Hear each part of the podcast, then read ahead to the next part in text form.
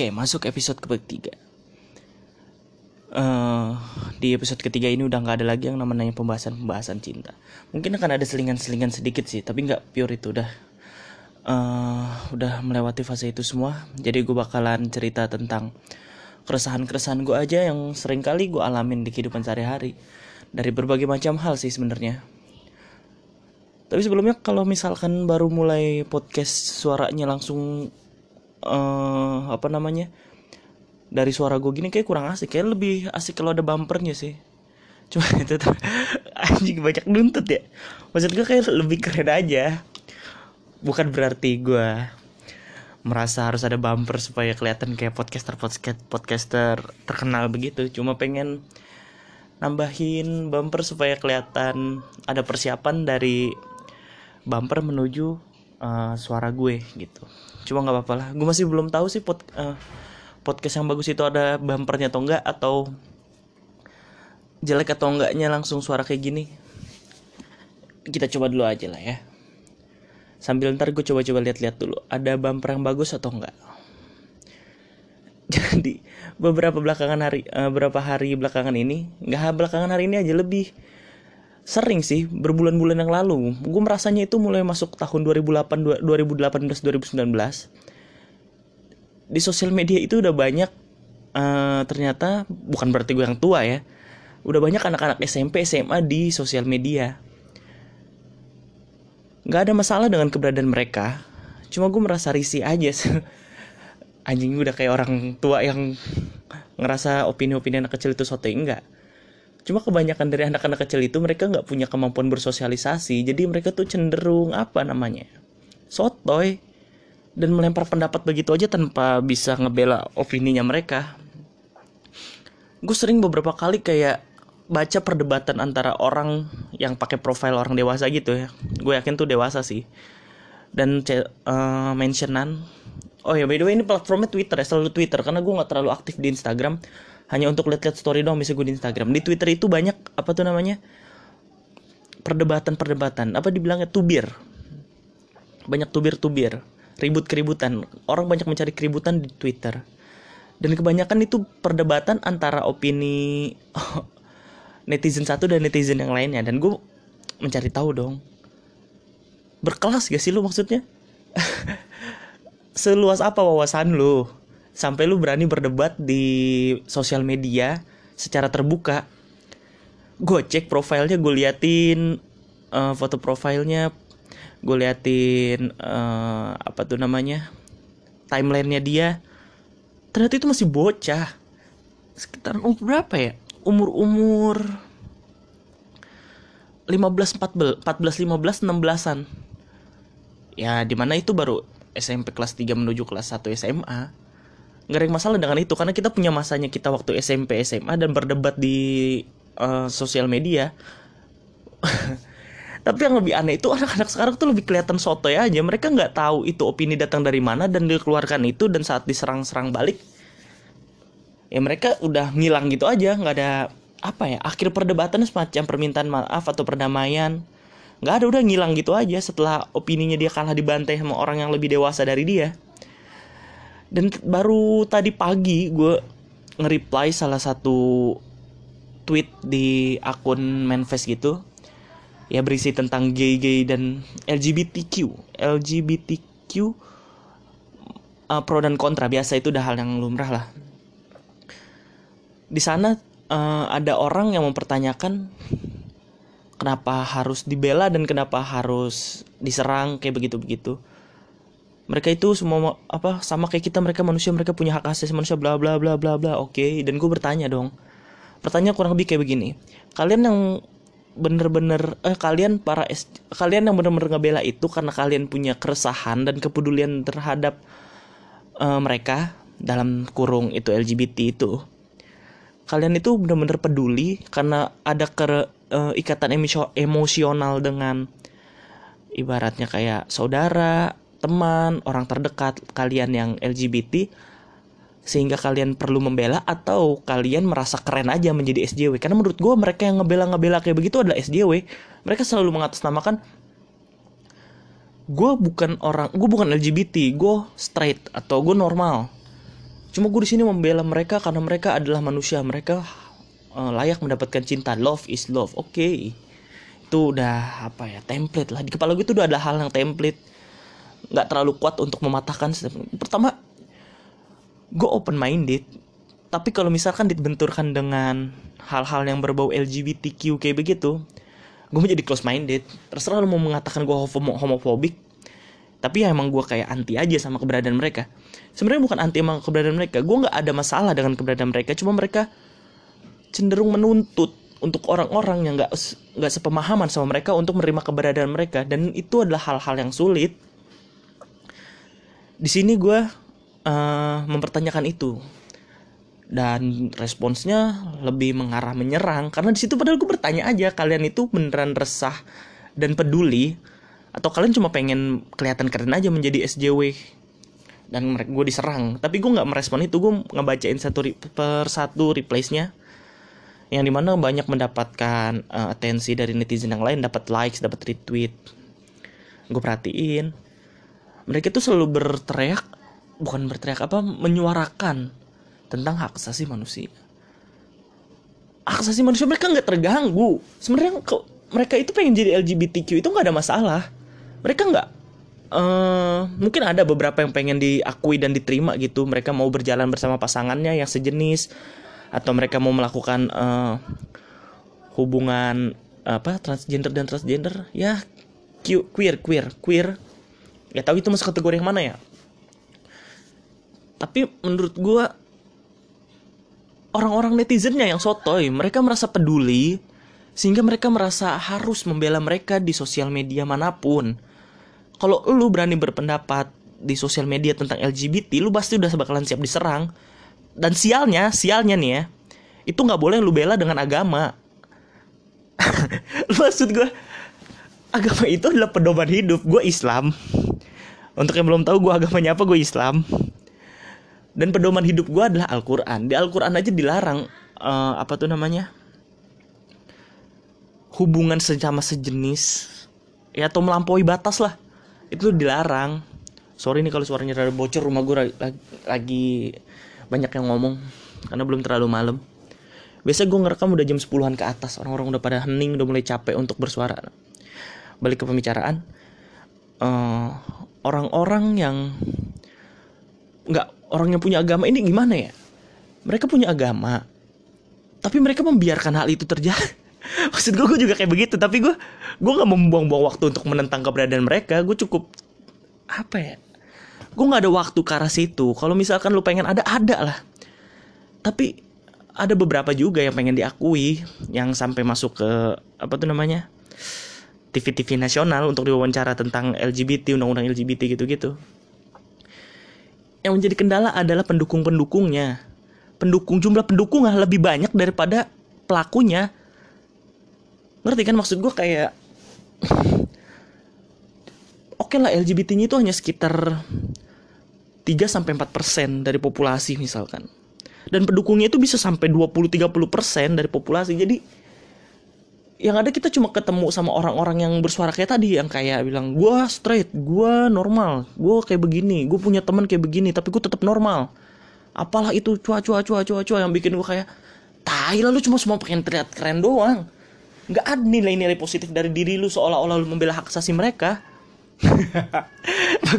Maksud gue tai lah begitu lu sampah semua. Gue pengen ngatain kayak begitu gue coba mau menghindari hal-hal itu dan membuat hari gue buruk. Banyak hal yang membuat hari hari lo buruk. Mudah caranya lu cukup uh, di akun-akun base kayak begitu lu cukup serang dua. Ya kalau nggak LGBT ya K-pop udah itu doang. Yang bisa membuat hari lu buruk cuma itu doang doang. Membuat privasi lu dan keamanan lu merasa terancam dah itu doang. Uh, lebih ke K-pop sih lu akan merasa privasi dan keamanan lu terancam soalnya ada satu lagi uh, satu poros lagi yang gue rasa itu ternyata gue kira itu ekstrim. Apa namanya? Aduh otaku. Wibu wibu. Gue pernah gue pernah menyinggung. Gue nge-tweet aja nge-tweet sembarangan. Maksud gue akun gue kan bukan akun yang terkenal banget. Malah nggak terkenal sama sekali. Gue kayak akun biasanya aja dengan 200 followers gitu. Gue nge-tweet tentang uh, wibu. Kan saat itu kasusnya ada yang tentang wibu ngebunuh anak kecil ya. Ntar gue minum dulu. Wibu ngebunuh anak kecil yang katanya psikopat begitu.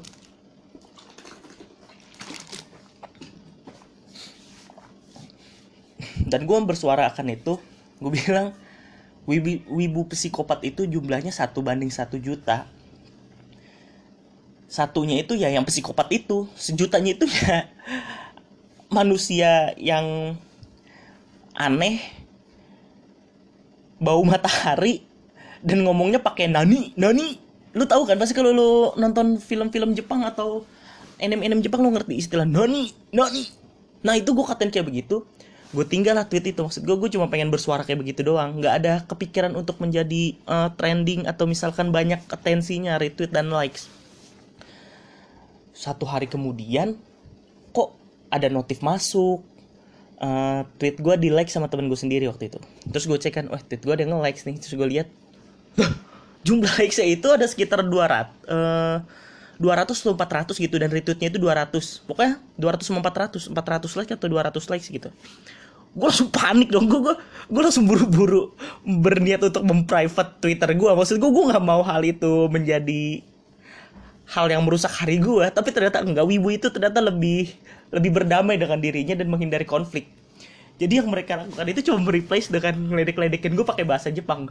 Yang yang di mana itu membuat gue semakin lucu dan uh, apa namanya menerima keberadaan mereka. Ya karena wibu juga nggak mengganggu sih. Walaupun ada beberapa video anak-anak wibu yang annoying begitu cuma ya itu kita cukup bercandain mereka dan mereka bakal ngebalik bercandain kita juga. Nggak akan ada yang namanya penyerangan wibu psikopat itu bener satu banding satu juta. Sisanya cuma anak-anak aneh dan pala bau matahari aja. Kalau ada temen gue yang wibu gue minta maaf. Cuma itu faktanya. Kalau lu nggak kayak begitu berarti lu berbeda dari mereka lu wibu biasa. Ya, dan kalau setelah menyerang itu dan kepala gue adalah wah ternyata ada poros wibu yang nggak terlalu akan merusak hari lu. Maka lu malah, malah lu akan akan terasa senang bukan senang hari lu jadi ceria aja gitu. Ternyata replace replace mereka dengan foto-foto profile anime anime gitu. Terus ada yang juga foto foto cosplay kayak begitu. Mereka replace dengan uh, apa gitu. Pakai nama gue nyebut nama gue terus nambahkan kun. Kun itu kayak panggilan untuk orang Jepang gitu ya. Untuk orang apa gitu. Gue nggak ngerti. Pokoknya ada kun ada san ada uh, apa. Gue lupa. Pokoknya gue tahu itu doang. Pokoknya semuanya pada ngeledek. Jadi itu nggak nggak ada niatan untuk menyerang atau mencari keributan jadi seru lah. Coba lu, cari masalah anak wibu deh sumpah seru banget. Gak ada gak akan ada kematian gak ada kelucuan kelucuan dari mereka sumpah. Asik banget anak wibu tuh ternyata. Tapi jangan lojak nongkrong ajak replace replace di Twitter aja atau replace replace di Facebook. Jangan lojak nongkrong kayak nggak bakalan asik. Itu orangnya kalau kita ajak bercanda hal-hal kecil ketawa ngakak lama itu. Itu tuh anak-anak wibu kayak begitu biasanya. Uh, dan biasa anak rohis pakai tas body pack lah itu biasa itu rohis rohis rohis wibu kayak begitu. Sampai mana tadi? Sampai K-pop. Oh bukan apa LGBT iya. Dan gue nggak mau apa namanya mereplace respon respon-respon mereka terhadap pertanyaan gue karena itu gue nggak mau berdebat dan hari gue menjadi buruk aja. Uh, dan request mereka rata seperti itu. Kayak gue straight dan mereka hak uh, berhak menerima layak mendapatkan haknya sebagai manusia bla bla bla bla. Apalah tai kucing anjing mereka udah punya haknya sebagai manusia dengan cara dia hidup sampai sekarang aja mereka udah menerima haknya sebagai manusia di negara ini. Hak apa lagi yang mereka butuhkan? Kalau misalkan mereka sedikit berbeda ya lo yang harus beradaptasi. Maksud gue ada juga yang enggak enggak aduh gimana nih? Ini rada rada melawan arus-arus norma asusila dan norma agama. Cuma kita sama-sama ngerti maksud gue ada juga yang ibaratnya menyimpang kayak gitu. Menyimpang ini tapi dengan tanda kutip lurus. Menyimpangnya itu ya lu ya kumpul kebo atau lu seks pranikah aja maksud gue LGBT itu sama menyimpang Cuma menyimpang ini berbeda. Sama halnya dengan lu uh, seks luar nikah aja, sama-sama tabu.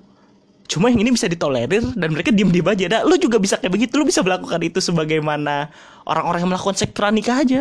Mungkin saat ini di belahan daerah di Jakarta saat ini ada yang lagi ngelakuin party seks gue gak tahu. Dan dan aman-aman aja karena ya mereka gak perlu diakui udah diem-diem aja. Mungkin mereka ada beberapa yang pengen gue pengen legalkan uh, seks pranikah atau misalkan apa istilahnya kalau satu rumah oh kumpul kebo gue pengen kumpul kebo atau apa gitu. Nikah tidak terlalu diperlukan. Mungkin ada yang berpakaian begitu cuma mereka nggak diem aja karena mereka menikmati aja. Nah lu lu sebagai LGBT lu juga bisa kayak begitu lu nikmati aja uh, kepuasan seksual lu itu tapi lu nggak usah umbar-umbar udah lu diem aja ngedekep aja udah di apartemen lu atau kos-kosan lu tuh rumah lu.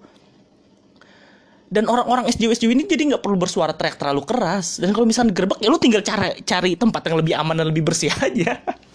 Bukan berarti gue bujut tujuh ya gue, takut aja gue bujut tujuh kayak gitu. Tiba-tiba ada meteor jatuh ke rumah gue kan anjing.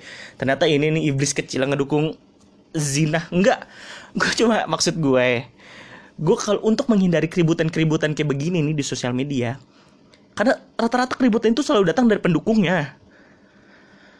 Pendukung-pendukung yang terlalu fanatis ini loh yang apa ya yang ngebuat suasana jadi semakin panas. Pendukung uh, eh, anti LGBT itu suka berdebat maksudnya bukan suka berdebat uh, menentang dan kalian pendukung pro LGBT juga menentang dan saat kalian bertemu ya kalian bakal bertabrakan doang. Nggak akan ketemu titik terangnya. Jadi udahlah. Yang menjadi ambil tindakan ya lu sebagai yang didukungnya ini nih lu ngambil tindakan sendiri. Dengan cara ya udah lu diem diem aja. Nggak usah bersuara terlalu keras. Saat ada yang nanya ya lu cukup berbohong aja udah. Tapi lu tetap apa dengan hubungan lu dengan pasangan lu atau gimana terserah.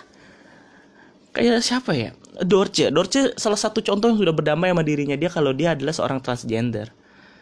Dan dia uh, berpakaian selayaknya apa namanya wanita muslimah. Karena dia kan muslim tapi dia transgender. Dia udah berpakaian sebagai muslimah udah.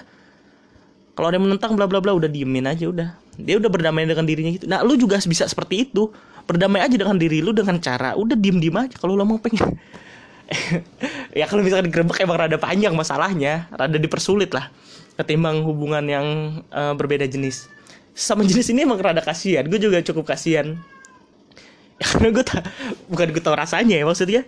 Gue tahu mungkin itu adalah hal yang nikmat bagi lo dan satu bakwan itu udah digerebek tuh pasti kentang. Lo pasti ngerasa kentang kan? Jadi uh, lo cukup main lebih rapi aja. Begitu juga untuk yang sama jenis yang orientasinya normal lu bermain bersih aja dan semua kan baik-baik aja.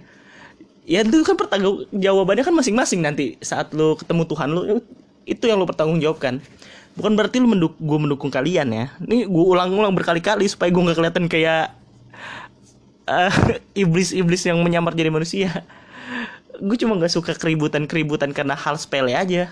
Kalau misalkan yang ributnya itu pendukung uh, bukan pendukung apa pelaku LGBT dan orang yang sudah tobat dari LGBT lu berantem nggak apa-apa dah. Gue pengen dengerin opini lu dan gue bakal menghargai lu berdua. Cuma kalau misalkan cuma sama pendukung lu sama-sama normal ngapain anjing lu nggak jelas lu kayak orang goblok yang gak ada kerjaan aja. Nggak akan ada kemenangan dan nggak akan ada nggak akan menambah nilai kemanusiaan lu. Dan lu menentang juga nggak nggak akan mengurangi nilai kemanusiaan lu. Dan nggak menambah kerenan juga cuma membuang waktu lu doang. Jadi hindari perdebatan-perdebatan kayak gitu. Kembalikan lagi ke pelakunya. Udah lu bilang aja gue ngedukung lu. Kalau misal lu kena masalah kalau lu kena gerbek gue dukung. Cuma kalau lagi keadaan normal kayak gini lu cukup main bersih aja diem-diem terserah entah lu pindah ke daerah yang sedikit longgar lah nilai-nilai agama dan normanya. Karena ada beberapa daerah tuh. Dan Jakarta kan Jakarta nggak nggak tahu ya.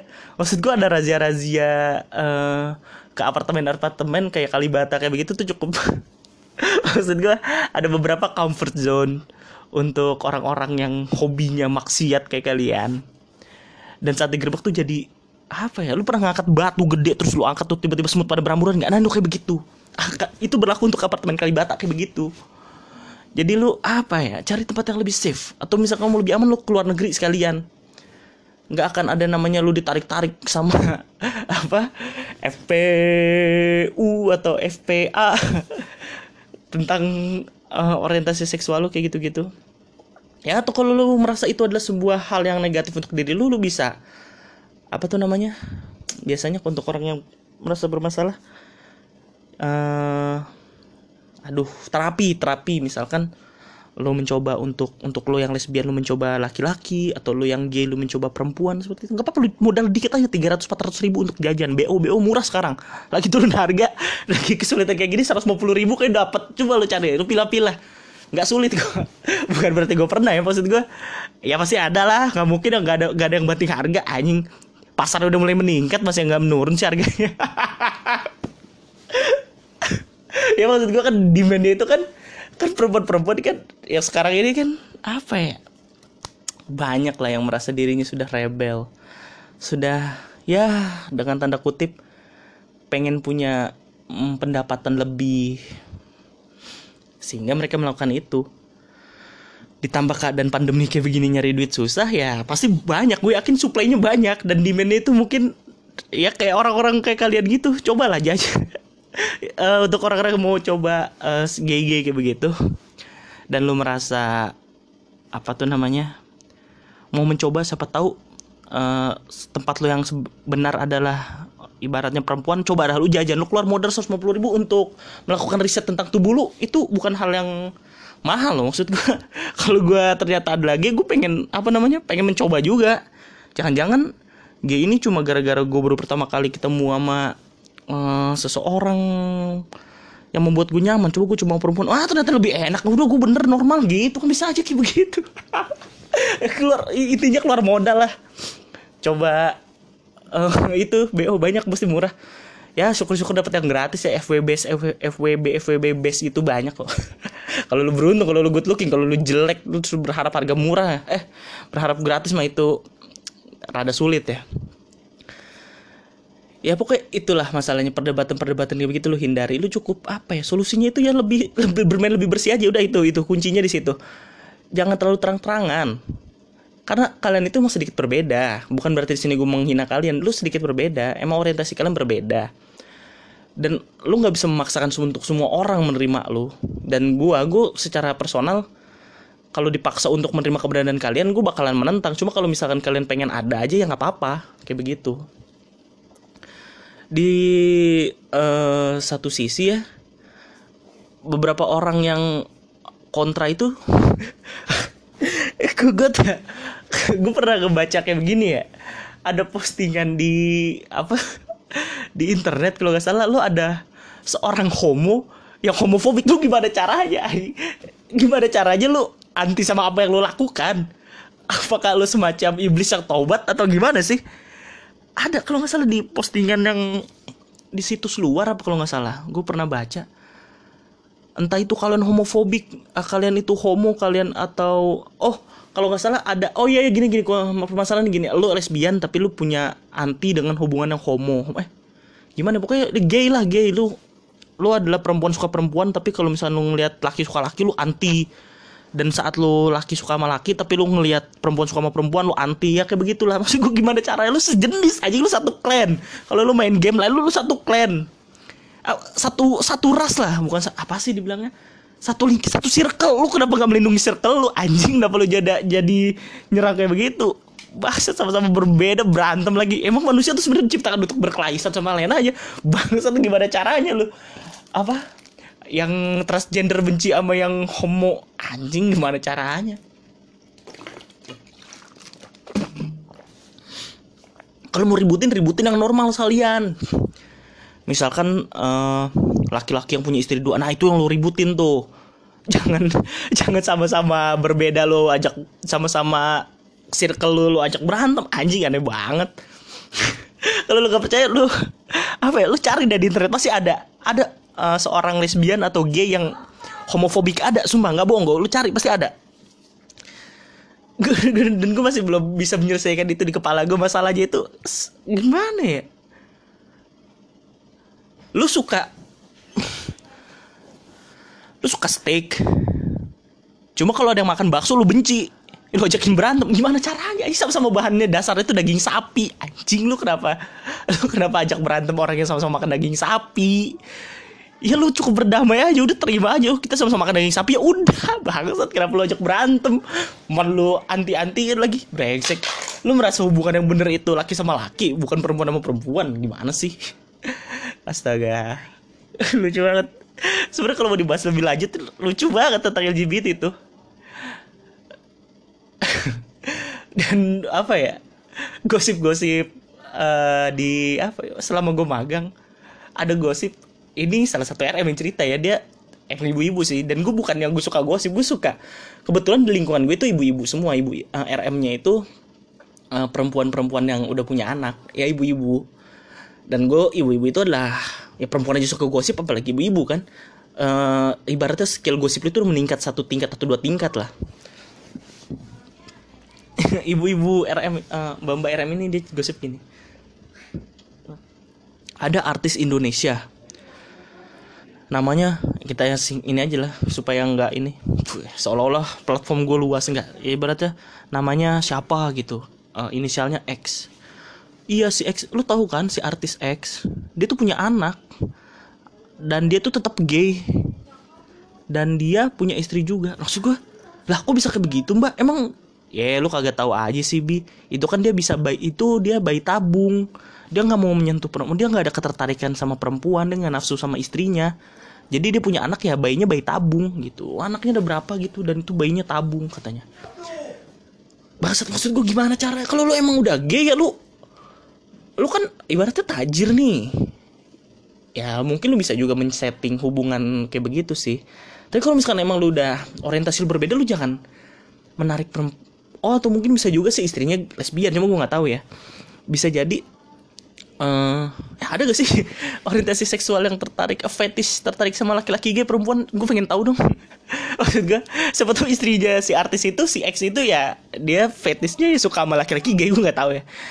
Dan kalau misalkan laki-laki lu gay ya lu jangan menikahi perempuan lah maksud gue kalau nggak ada ketertarikan ke situ jangan. Apalagi sampai anak lu adalah bayi tabung. Anjir aneh banget ya walaupun gue nggak tahu ini ceritanya bener atau enggak ya tapi kan akurat keakuratan cerita dari ibu-ibu itu kan hampir menyentuh 100% ya walaupun ini sekitar ya gue percaya di kepala gue sekitar 83 84% lah. Gue nggak yakin yakin banget. Cuma kalau dilihat dari gaya dan tingkah laku si artis tersebut ya emang rada melambai dan sulit untuk bilang kalau dia adalah laki-laki sejati. Karena dari gaya ngomongnya udah kayak melambai banget terus apa lagi yang berhubungan dengan gay gitu ya? Bisa gak sih lu uh, mimpi mimpi berhubungan kayak gitu? Maksud gue gue pernah gue gue pernah gue pernah mimpi ngeliat orang berhubungan hubungan seks tapi itu laki sama laki. Itu gara-gara apa? Kalau nggak salah gue dengerin podcast di noise podcastnya si siapa ya? Si Uus sama si Diki Divi kalau nggak salah. Di situ di podcastnya itu si Diki Divi kan emang uh, apa namanya person bukan persona pembawaannya itu kan emang kayak bencong gitu. Apa ada ke perempuan-perempuan gitu. Dan si Uus kan kayak suka nimpalin aja gitu kayak ah kamu gimana sih? gitu. Dan di kepala gue karena gue setiap tidur sering muter itu sampai ke bawah mimpi mereka. Si Uus dan si Dibi itu mereka having sex sebagai gay gitu. Gue langsung kayak anjing gue mimpi apa semalam? Dan gue takut sejak saat itu gue kepikiran anjing jajan gue jajan gue bisa jadi gay gara-gara kayak begini. Maksud gue bisa gak sih? Pertanyaan gue kan nggak semuanya ah mimpi itu kan pasti adalah mempunyai pengaruh di kepala dan di otak ya. Nggak mungkin dia tuh cuma sekedar mimpi pasti ada uh, beberapa pengaruh-pengaruh ke dalam kepala kita. Dan gue nggak bisa apa ya menyetujui juga dan nggak bisa menentang juga. Karena ada ber, berbagai macam tafsir. Gunanya tafsir mimpi apa? Kalau nggak salah di Al-Quran ada. Bukan di Al-Quran apa di hadis gitu kalau nggak salah. Gue pernah baca katanya uh, tafsir tafsir mimpi itu nggak nggak salah. Sebetulnya itu ada pertanda untuk kehidupan lo gitu-gitu. Gue nggak yakin itu benar atau enggak ya karena beberapa kali gue sering mimpi gue, gue salah satu orang yang sering menafsirkan mimpi maksudnya uh, kalau gue mimpi apa gue cukup adalah tipe orang yang bisa mengingat mimpi dengan jelas ya apa yang gue mimpikan semalam dan bisa gue ingat seterusnya. Contohnya gue pernah mimpi banjir. Yang di mana kalau lu cari di Google mimpi banjir itu bertanda lu bakal dapat rezeki banyak mau itu airnya keruh atau kayak gimana tuh banjir ya banjir lu bakal dapat rezeki. Kayak begitu. Cuma enggak men.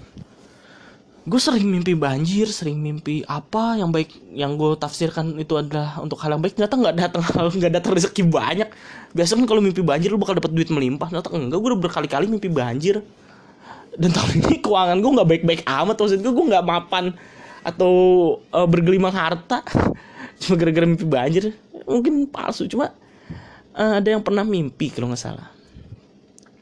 Itu mimpi uh, giginya itu patah. Kalau misalkan lo cari di Google tafsir mimpi gitu kalau lo mimpi gigi lo rontok dan berdarah gitu lo pegang dan lo ngeliat mimpi di mimpi lo gigi lo patah dan berdarah itu tandanya salah satu anggota keluarga lo bakal meninggal. Dan orang terdekat gue kalau nggak salah orang di sekitar gue pernah ada mimpi bilang kayak begitu sebelum saudaranya meninggal. Dia mimpi malamnya uh, giginya copot dan berdarah dan berarti kan itu ada beberapa hal ada yang benar ada yang salah. Bisa jadi saat wah jangan-jangan waktu gue mimpi banjir itu bakal mendapat rezeki rezekinya itu bukan rezeki dalam bentuk materi. Bisa jadi adalah kenikmatan hidup dan kebahagiaan. Mungkin saat itu hari gue bahagia gue nggak tahu. Cuma gue lebih milih materi sih walaupun hidup gue nggak bahagia bahagia amat. Pada saat itu gue sih berharap mendingan dapat uang 1 m ketimbang kebahagiaan yang yang indah gitu. Walaupun itu dapat pacar dibandingkan dapat pacar sama duit satu m mendingan satu m anjing dengan satu lu bisa melakukan banyak hal. Ya open bo satu-satunya itu. Enggak lah bercanda gue dan bicara tentang mimpi ya. Anjing ini lo gimana? Gue cara cerita gue bingung nih. Semalam ini semalam ini kayak setelah gue record nih bakal langsung gue upload ya. Semalam berarti itu tadi malam. Eh kemarin malam berarti dong kemarin malam gue tidur. Gue mimpi orang yang uh, beberapa saat lalu deket sama gue ibaratnya yang salah satu perempuan yang gue sayangin gitu di dalam mimpi gue dia dipeluk dan dicium sama cowok lain. Dan lu tahu siapa cowoknya? Ini kepala gue emang sedang rada sedikit berbeda maksud gue gue nggak yakin uh, gue nggak yakin kalian bakal percaya sih cuma nggak apa-apa juga nggak percaya. Cuma di mimpi gue saat tadi malam itu perempuan yang gue suka itu dipeluk dan dicium sama laki-laki. Dan setelah laki-laki itu nengok lu tau laki-laki itu siapa laki-laki tersebut adalah Khabib Nurmagomedov. Anjing maksud gue gue gak pernah ngeliat dia. Ada yang bilang lu gak bakal mimpiin seseorang yang gak pernah lu lihat secara langsung. Tapi gue pernah tapi di mimpi gue itu Khabib Nurmagomedov. Dia kerakul kerakul cewek yang gue suka dan cium. Anjing gue panas banget. Gue gue mau mukul tuh bingung. Gue gue salah nah ini gue tuh mimpi yang uh, orang yang bisa bertindak di mimpi gue gitu. Gue tipe orang yang bisa bertindak di mimpi. Dan saat gue ngeliat kayak gitu gue panas gue pengen mukul. Cuma gue gue di kepala gue tahu ini kami pak Aji dia tuh pegulat yang gak pernah kalah. Lawan Conor McGregor dia gak kalah. Gue mau mukul gue gak berani. Anjing sama banget. Bahkan di mimpi di mimpi gue sendiri pun gue gak berani bertindak anjing. Dan saat gue dan, dan tindakan gue adalah saat tangannya dia itu nunjuk ke arah gue gue maju pelan pelan dan gue gigit tangannya gue gigit tangannya. Dan saat tangan kanannya bergerak jadi tangan kiri dia kayak nunjuk gue gitu. Dan tangan kiri gue gigit. Dan saat tangan kanannya mau gerak gue langsung gue langsung mundur gue lari mundur. Dan gue gak berani deket lagi. Gue langsung tiba-tiba kebangun gitu dan gue gak berani. Dan gue gak mau tidur lagi. Gue buru-buru nge-tweet tentang kejadian itu. Maksud gue anjing siapa banget? Gimana caranya lu?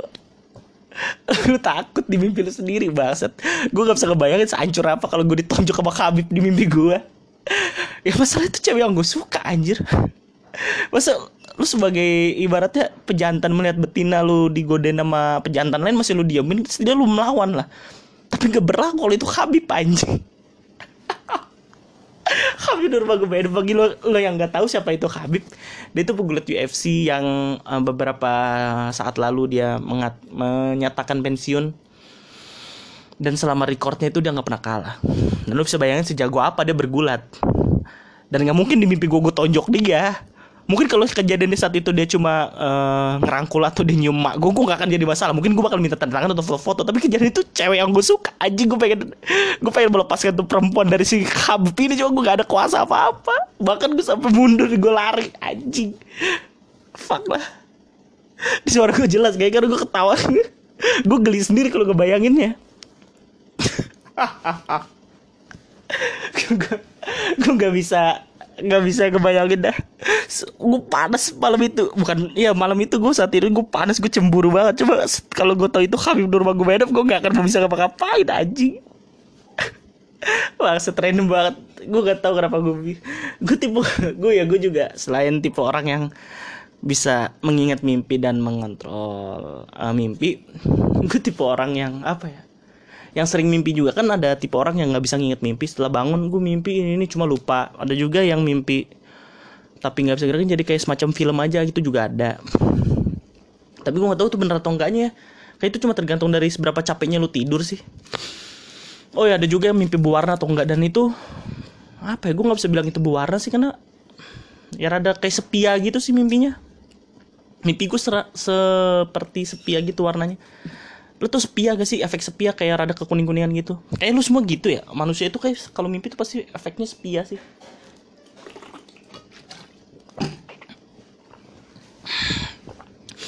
Dan dan dapat gue simpulkan kayak nggak akan terlalu serem sih kalau mimpi ketemu setan. Gue pernah mimpi ketemu setan.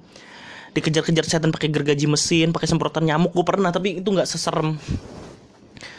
Mimpi ngelihat cewek lu atau Ih cewek lu lah laki-laki pasti gampang panas. Lu ngeliat cewek lu dicium sama Khabib Nurmagomedov tuh Dan lu gak bisa bertindak apa-apa lu pasti Pasti lu bakal panas dan gak bertindak apa-apa. Kalau lu pukul pun gue yakin lu gak akan menang Sumpah. Lu pasti pernah kan berantem di mimpi?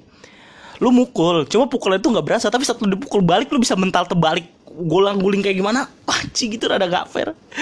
Beberapa kali gue sering mimpi kayak begitu. Gue berantem sama polisi Bangsat polisi. Gue mimpi sama polisi Gak tahu kenapa gue berantem sama polisi waktu itu. Udah lama juga sih kejadiannya gue tipe orang yang nekat. Aja kan gue pukul. Pak kok nggak bergerak nih orang? Nggak kenapa-napa. Pas itu polisi nyerang balik emang nggak terlalu berasa. Maksud gue gue entah gue yang pokoknya gue kayak ada dorongan dan gue mental lagi tuh gue guling-guling.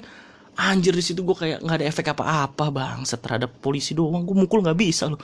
Di real life gue nggak berani mukul polisi. Di mimpi pun gue dipukul balik sama polisi mental gue gila emang.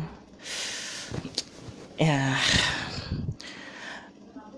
Dan di mimpi pun gimana ya kayaknya lo nggak akan nggak di kepala lo nggak akan bisa diciptakan. Gue pernah beberapa kali mukul di mimpi. Tapi tuh kayaknya orang nggak babak belur ya cuma ya kedorong aja kedorong balik kedorong balik. Nggak benar-benar bonyok dan tepar kalah gitu nggak pernah gue gue pernah pukul-pukulan di mimpi imbang ini hitungannya imbang. Tapi gue nggak pernah sampai titik menang gue mampus lu kalah gini gini nggak pernah. Ya udah imbang pukul-pukulan aja terus dipisahin. Nggak pernah benar-benar gue menang mutlak. Kenapa ya ya kalau berdiri pun gue berani maksudnya kalau mutlak kayak begitu gue berani cuma kenapa di kepala gue enggak ya? Apa di deep down in my head gue seorang pengecut kayak enggak juga anjir.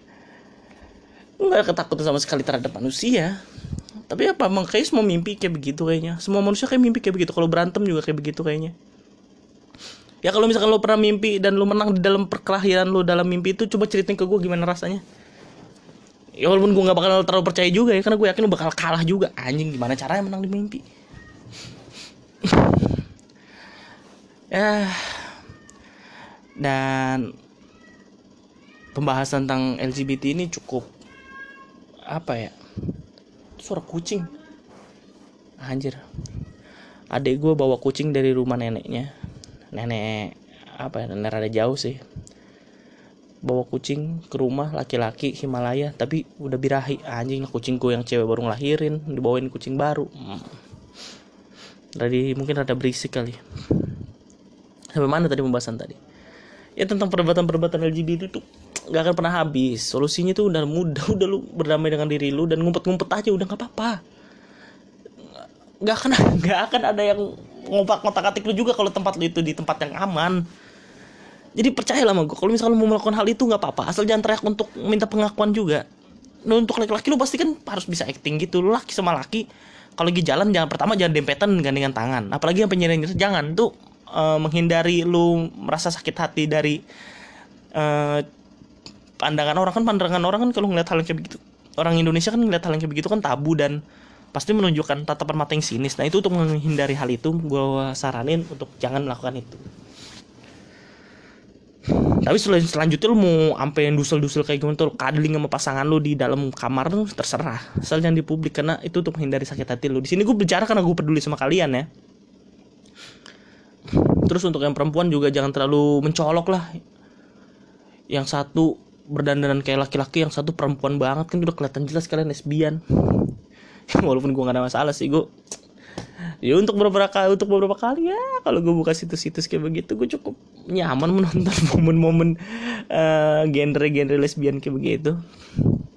Ya karena kita laki ya karena gue laki-laki normal lah anjing. Gue gue ngerasa jijik. Gue gue gue gue nontonin juga yang gay cuma gue nggak nggak ada ketertarikan. Gue lebih seneng jijik. Anjing lu ngapain bangsat? Kepala gue cuma menghadrik doang. Gue tontonin tapi nggak sampai kelar. Gue menghadrik menghadrik udah terus gue tinggal ya gue kembali mending nonton yang lesbian. Anjir gokil juga yang lesbian tuh. Apalagi? Ya? banyak perdebatan perdebatan-perdebatan di apa ya di sosial media tuh yang nggak harus patut kita menangin. Karena ini mungkin karena kita yang merasa bukan gue yang merasa tua ya. Cuma generasi generasi muda sekarang tuh emang kayak kecepatan bertumbuh atau emang dia so, so tahu aja dia emang kayak orang-orang umur 14, 15, 16, 17 tuh emang lagi lagi, uh, lagi-lagi mencari jati diri dan pengakuan sih. dia pengen kelihatan uh, cerdas dan berwawasan dan mereka siap perdebatan nih. Oh beberapa beberapa waktu yang lalu ya orang terdekat gue berantem dan ribut diserang sama 300 fans K-pop. Gue yakin itu semua anak-anak kecil. Kenapa dia menuntut untuk permintaan maaf? Jadi kasusnya itu kalau nggak salah dia uh, nagih apa gitu ke penjual K-pop ini penjual K-pop. Eh sebentar gue mau beli rokok dulu kayak gue break dulu sebentar. Balik. Wah tadi sampai mana ya? Gue baru balik beli rokok. Uh, sampai iya jadi orang terdekat gue waktu beberapa hari yang lalu diserang sama 300 uh, eh, fans K-pop yang berada dalam satu grup. Jadi dia tuh membeli semacam souvenir. Apa gue lupa? Foto album kalau nggak salah dan ternyata itu barang ditipu atau gimana. Jadi uh, mereka disatukan dalam satu grup dikasih tahu kalau barang tertipu uh, telah ditipu gini-gini gue akan cari pelakunya dan bakal gue balikin uangnya.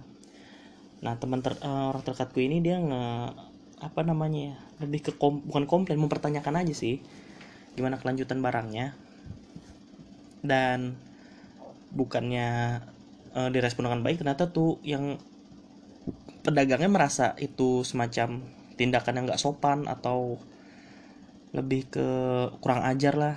Dan di sebarin ke grup itu dan dia bilang kalau misalkan kayak begini pada nggak tahu diri bla bla bla bakal gue bubarin semua grup nih. Biar pada tahu rasa. Dan 300 anggota itu merasa panas dong. Kalau misalnya dibubarin otomatis uang nggak di refund dan kemungkinan terburuknya ya udah hilang begitu aja nggak dapat barang nggak dapat uang. Ya jadi diserang lah orang terdekat gue ini. Dia diserang dan dia diperlakukan diperlakukan diancam untuk di spill kalau K-pop kan lebih cenderung ke arah sana ya di spill di buka identitasnya dan diserang sama K-pop fans-fans K-pop yang lain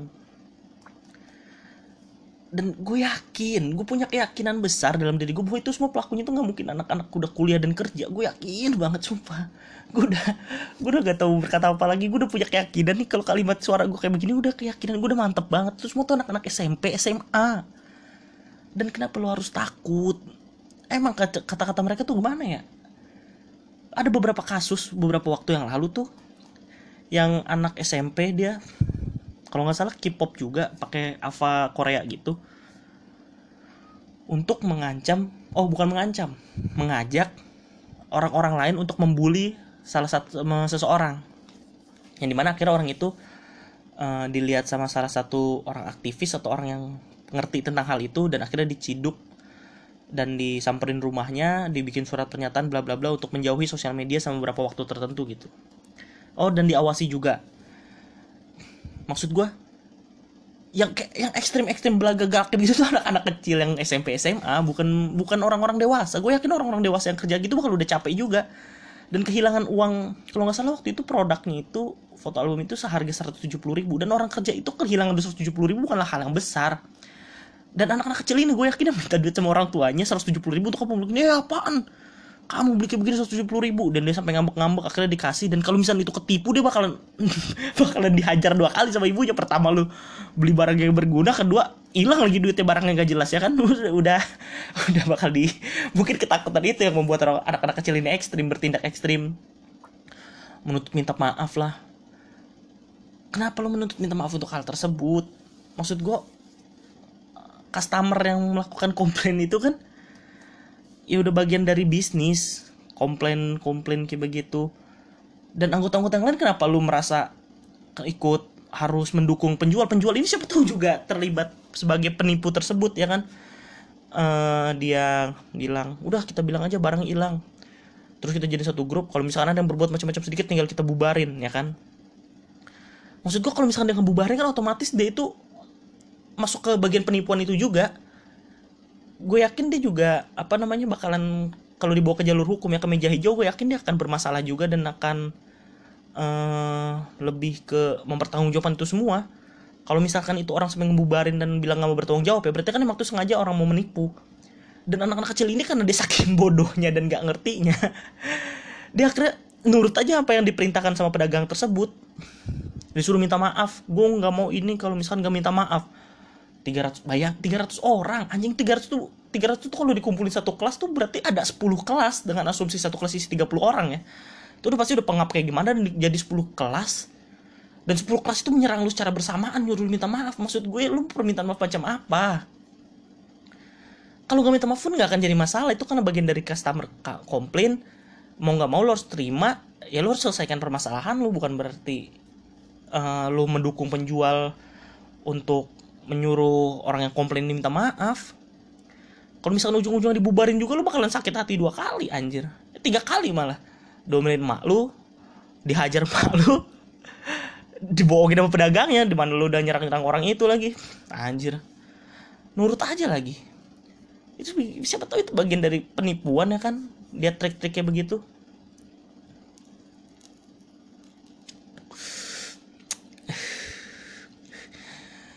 kalau anak-anak kecil itu berpikir lebih jernih sedikit dan lebih dewasa sedikit dia tahu kenapa dia harus minta maaf. Dia kan juga sama kayak kita dia bakalan komplain untuk barang yang gak dia terima. Ya aturan lu 300 orang itu kerja sama untuk nyerang pedagang. Lu bikin laporan ke polisi 300 aja 300 orang tuh gue yakin bakal dicari itu orang. 300 laporan secara bersamaan gue yakin nih pasti. Polisi bakalan resah dan bakal uh, nyari pelakunya. Mau nggak mau dia bakal apa namanya mencari si penjual ini dan temennya yang ngaku-ngaku penipunya itu. Karena lu keterbatasan dan otak lu belum berkembang secara sempurna ya makanya lu nurut apa yang kata orang itu bilang aja. Anjir gua waktu itu sampai gue tolongin untuk bikin kalimat juga maksud gue memenangkan hati anak-anak kecil yang sotoy dan haus akan pengakuan. Ya caranya dengan cara menghormati mereka setinggi tingginya dan merendahkan diri kita serendah rendahnya itu sih kuncinya. Gue yakin tuh bakal kena ke mereka tapi nggak tahu ya mereka tetap masih katanya masih menyerang dan membuli bla bla bla ya udah tinggalin aja. Akhirnya uh, orang terdekat gue ini dia menyerah dan akhirnya dia uh, ikhlaskan. Itu uang 170 ribu bukan uang yang besar untuk orang yang udah kuliah. Ya walaupun masih ada nilainya sih lu makan nasi padang bisa dapat 5 6 bungkus. Tapi kan kalau ujung-ujungnya membawa masalah dan hari-hari yang buruk mendingan nggak usah aja udah. Ya udah lepasinnya 70 ribu. Berkelut sama anak kecil lagi. Anjing gak ada harga diri banget masalahnya dan anak-anak kecil tersebut tuh bakalan bertumbuh dewasa dan mereka sadar apa yang mereka serang tuh nggak ada nggak ada gunanya.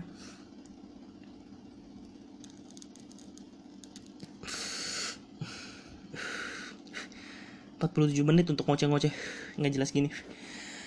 Gue udah ngupload dua episode sebelumnya gue nggak tahu didengar apa enggak gue cuma hmm, apa ya mau mengupload aja sih didengar syukur nggak? Ya udah. Dan temen gue ada yang bilang katanya gue baru dengerin menit segini udah ketiduran. Bagus itu tujuan gue untuk menemani menemani lu tidur. Itu itu fungsinya.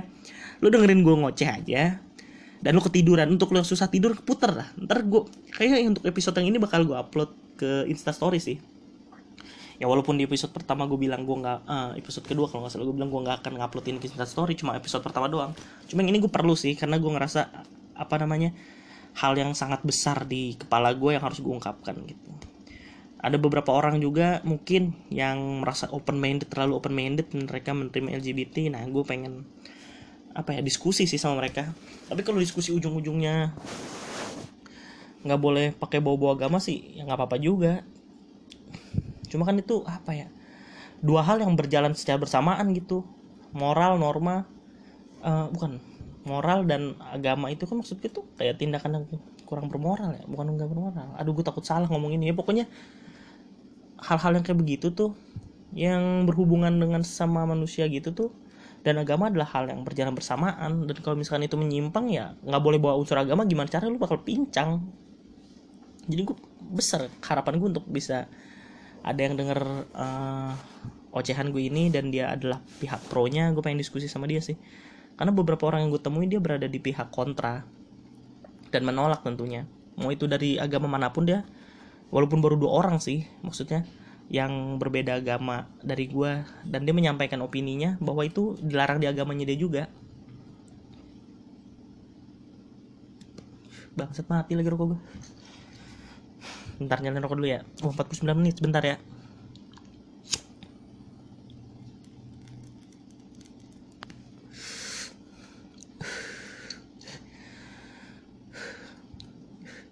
dan gue juga apa ya emang hobi ngobrol aja sih. Beberapa hari yang lalu gue juga temen deket gue dia nelpon gue terus dia masukin perempuan. Bukan perempuan lebih iya perempuan tapi orang lain gitu orang baru. Yang berkuliah di China. Dan gue cukup tertarik untuk mengetahui tentang kehidupan gitu kan. Ya emang gue basically suka ngobrol dan wawancara aja sih. Bahkan orang kantor ada bilang katanya lu kayak cocok jadi HRD thank you gue menghargai itu. Cuma gue gue pengen mencari apa ya ya gue pengen ada value yang gue dapat dari uh, keahlian. Gue bukan keahlian sih gue nggak merasa ahli banget sih. Gue punya kemampuan ini yang mungkin ini masih uh, kasarnya kemampuan kasar gue gue yakin bakal bisa diasah jadi lebih tajam sih untuk um, menjadi seorang apa ya ya podcaster nggak masalah juga walaupun gak ada duitnya. Maksud gue nggak ada duitnya. Cuma siapa tahu untuk hal-hal kayak MC gue bisa kayaknya MC sih. Cuma gue ada pengalaman MC dan itu kurang asik kalau misalkan berdua. Gue lebih banyak ngomong gue mau orangnya banyak ngomong. Sampai orang-orang terdekat gue bilang susah kalau ngomong sama lu berdiskusi kayak gitu karena lu bakal motong terus. Iya sih emang itu keburukan gue yang harus gue akui. Gue emang suka motong omongan orang. Uh, karena basicnya gue suka ngomong aja.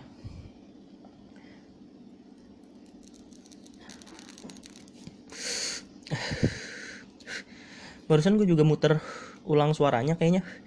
Setiap gue ngomong sambil ketawa kayak ada hembusan angin gitu. Sorry ya karena ini bukan gue baru coba-coba kayak gini nih nge-record langsung dari HP nggak pakai mikrofon.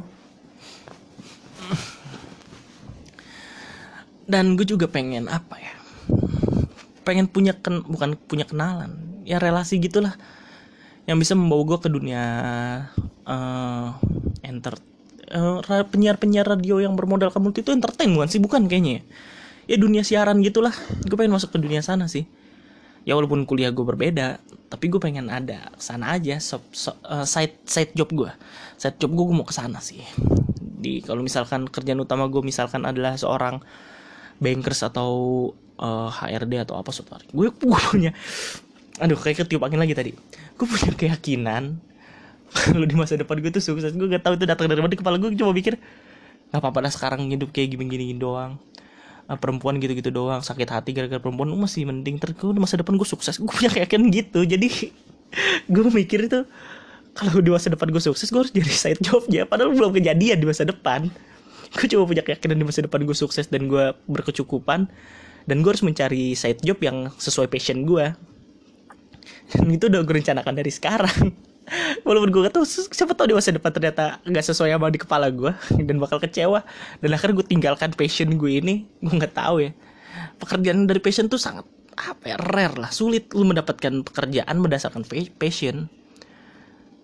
Ya kecuali lu mau udah mahir dan ahli banget di bidang tersebut ya gue yakin tuh chance-nya bakal meningkat lah. Mungkin bisa menembus angka 10-20% kemungkinan itu meningkat di hidup lo cuma kalau misalkan kayak gue gini gue nggak punya keyakinan tapi gue bakal mencoba menjadi jadi lebih baik. Beberapa semalam juga kalau nggak salah kemarin malam uh, himpunan mahasiswa di kampus gue dia ternyata bikin apa podcast juga. Gue pengen sih gabung ke sana. Berarti ngoceh-ngoceh aja.